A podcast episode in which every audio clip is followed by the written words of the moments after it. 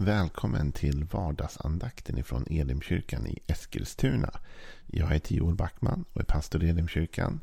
Om du vill veta mer om vår församling, vilka vi är och vad vi har för något att erbjuda dig så kan du gå in på www.elimkyrkan.com. Där hittar du all information om vår församling. Du hittar inspelade gudstjänster och mycket annat spännande. Du kan också leta upp oss på Facebook och på YouTube. Det är bara att söka på Elimkyrkan Eskilstuna. Så kan du både like och prenumerera så missar du ingenting av det som händer och det vi kan dela med oss av till dig. Vi är just nu i vardagsandakten inne i en serie om psalm 23. Som är en psalm som är skriven av kung David och som är en av de mest kända psalmerna i Bibeln.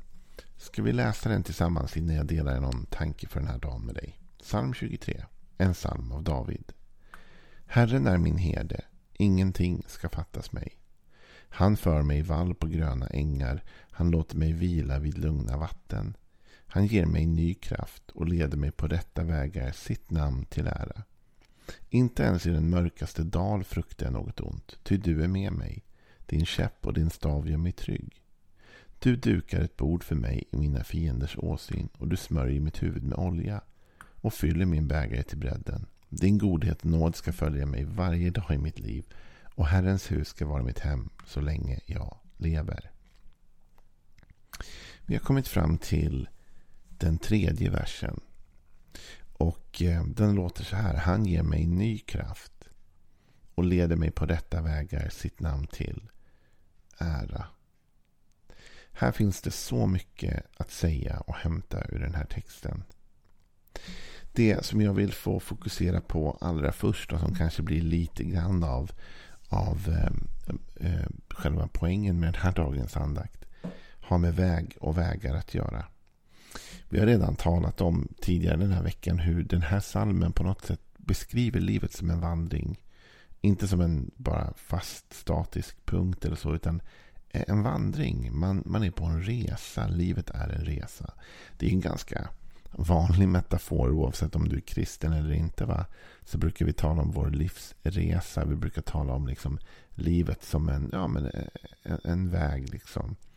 Och det gör verkligen David här. Han pratar om att livet är en vandring. Va? Precis som fåren vandrar efter då herden som leder dem. Så vandrar vi då också genom livet. Också vi har någon att följa efter då. Vår herde är ju då Herren Jesus. Som vi får följa efter. Men det som är intressant med den här versen, den tredje versen, och som vi egentligen kan se i de tidigare verserna också. Det är att den, den kristna tron och den, den kristna vandringen inte bara är en väg eller en vandring. Utan när vi följer heden, när vi följer Jesus, då är det på vägar. Vår resa har inte bara en väg. Det är inte så att vi bara ger oss ut på den här resan och så är det bara håller på den här vägen hela vägen. Liksom. Om jag skulle få för mig liksom att jag vill åka till eh, Malmköping eller något från Eskilstuna. Då är det liksom bara ut på 53 och så håller du på den tills du är framme. Men så funkar inte den kristna tron eller, eller den här vägen. Va? För här står det, han leder mig på rätta vägar.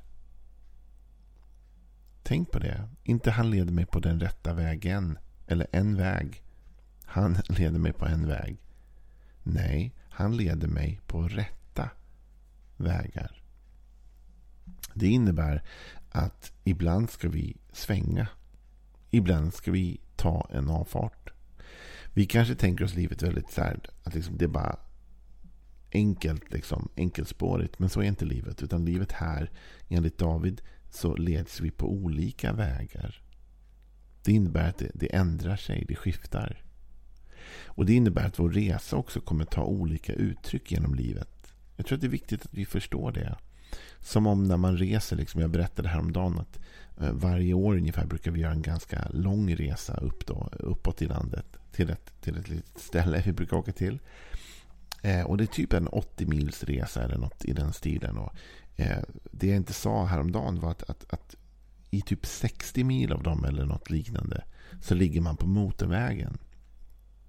Liksom, och då, då går det ju ganska fort ändå, eller hur? Du bränner ganska snabbt på, på motorvägen och det är en typ av körning. liksom.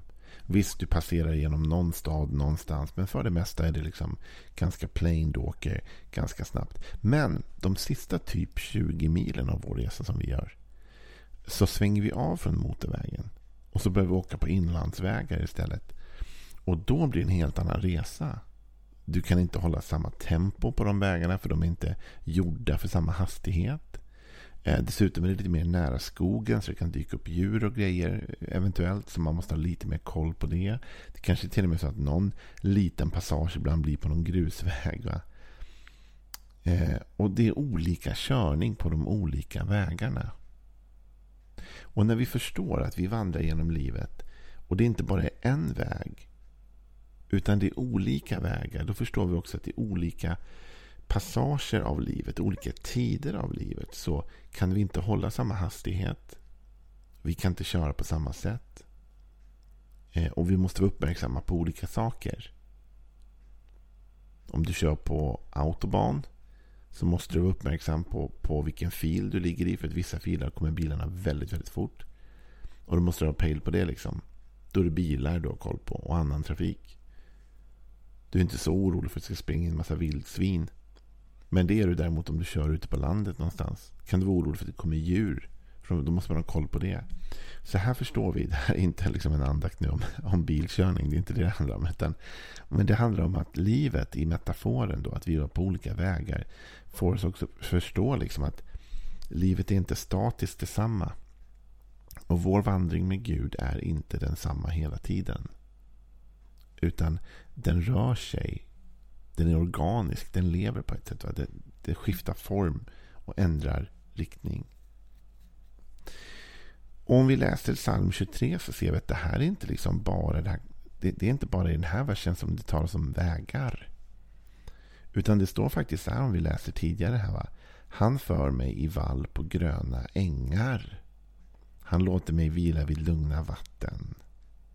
Tänk på den formuleringen, att det är faktiskt ett plural här. Va? Det är inte så att David säger inte han för mig till en grön äng. Kunde han ju sagt. Han förde mig till den stora gröna ängen. Han förde mig till vilans plats. Nej, han för mig i vall på, på gröna ängar. Så det är plural. Det är inte en äng, det är flera ängar vi leds till. Och han låter mig vila vid lugna vatten. Inte bara vid det lugna vattnet eller ett lugnt vatten, utan vid lugna vatten. Han ger mig ny kraft och han leder mig på rätta vägar. Man kan fundera på varför det är så. Och vad det betyder. Jo, men det betyder något i stil med det här ungefär. Att Gud kommer föra dig till en grön äng. Men sen kommer han ta dig därifrån. Han kommer föra dig vidare. Och då börjar det bli lite jobbigt. Då börjar helt plötsligt vandringen ofta bli lite tuff. Speciellt om det är så att den vandring vi har med Herren har lett oss till en grön äng som vi gillar väldigt mycket. Här trivs vi, här är det skönt att vara, här är det lugn och ro, här är det frid. Och så helt plötsligt får Gud för sig att han ska ta oss därifrån. Och då kan man börja fundera på varför? Varför gör han det? Jo, det jag har kommit fram till när jag har tänkt på det är någonting i stil med följande. Att Gud för oss bort ifrån den gröna ängen när han vet att vi snart har ätit upp gräset där. Du vet fåren de förs ju till en plats, en betesplats. Och man kan fundera på varför ska de flyttas därifrån sen? Därför att förr eller senare har de ätit upp det där gräset. Och då måste de vidare till en annan plats. Därför helt plötsligt kommer den marken inte längre vara, vara bra nog. Och Gud väntar inte tills vi har ätit upp allting, för menar, då är det ju för sent. Gud kommer låta oss röra på oss medan det fortfarande är lite grönt på den plätt vi är. Och då kommer vi känna så här, Gud varför tar du mig härifrån nu? Jag trivs ju jättebra här. Det är ju grönt och fint och god mat och allting. Men det Gud vet är att om bara ett litet tag så kommer du ha ätit upp det där Joel. Och då kommer du behöva en ny äng. Och nu måste vi hinna vandra till den. Så Gud för oss till platser att vila. Men när de inte längre ger oss det de är tänkta att göra. De inte längre kan producera det vi behöver. Då kommer Gud föra oss vidare därifrån. Det kan också handla om att vi växer ur platser. Du vet, som människa utvecklas vi. Och det kan vara så att en, en plats i livet Gud för oss till är precis rätt för den tiden då vi kommer dit.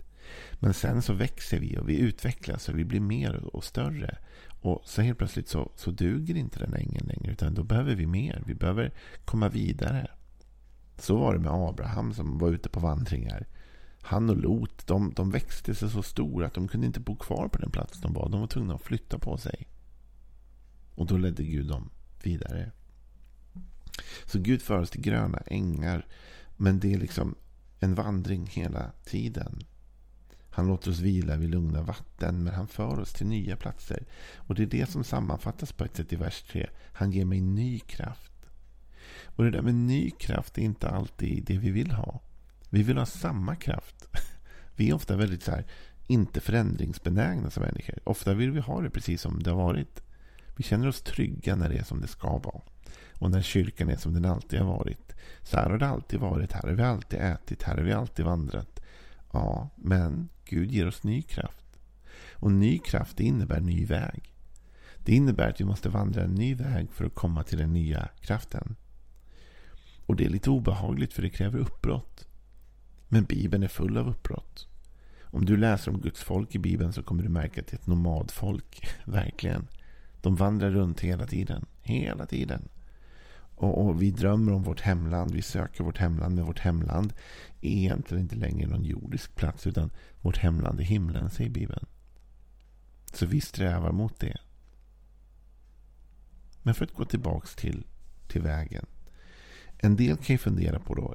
Hur ska man någonsin kunna hitta rätt? Om det är så att det är nya vägar hela tiden. Hur ska jag veta vilken väg jag ska följa? Att du ska inte följa en väg utan du ska följa en herde.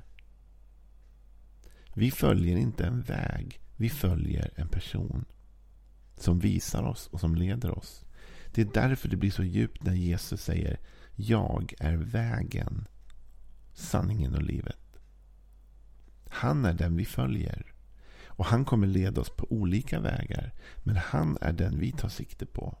Vi får inte fastna så mycket på vilken väg vi är på. Utan vi ska fastna på vem vi följer.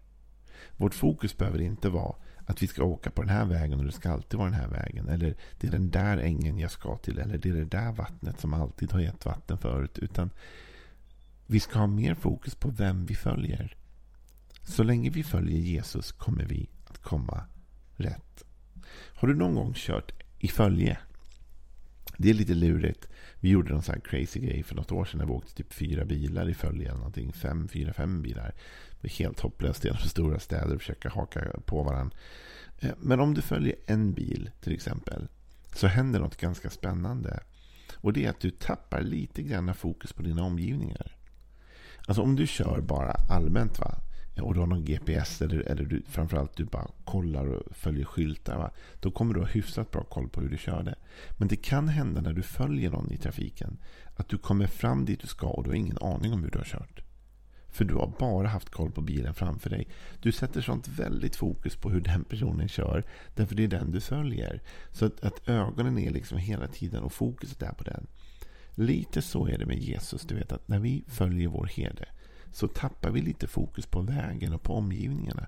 Därför vi har fullt fokus på att följa herden. Och det är så det ska vara. Vårt fokus ska inte vara allt som händer runt omkring. Vårt fokus ska alltid vara på herden. Det är han som är vägen. Det är honom vi följer. Så min uppmaning till dig den här liksom, torsdagen. Det är att inte vara så fokuserad på exakt vilka vägar livet bjuder dig. Att inte vara orolig när det skiftar spår. Att inte bli nervös så fort du märker att oj, nu blev det annorlunda. Därför Gud kommer leda dig på annorlunda vägar. På nya vägar. På nya stigar. Men vårt fokus ska vara Jesus. Vi behöver aldrig vara, eh, vara nervösa för att vi kommer på en ny väg eller att vi inte ser vägen tydligt. Vi behöver bara vara nervösa om vi inte ser Jesus. För det är han som är vår herde. Och det sammanfattas det fint i en bön som vi hittar i psalm 25 egentligen. Psalm 25 och vers 4. Herre, lär mig dina vägar och visa mig dina stigar. Herre, lär mig dina vägar och visa mig dina stigar. Så avslutar vi den här vardagsandakten. Och jag tror att om du och jag bara tar sikte på herden och följer honom så kommer vi komma rätt oavsett vilka vägar livet bjuder oss. Ha en riktigt välsignad torsdag. Hej då.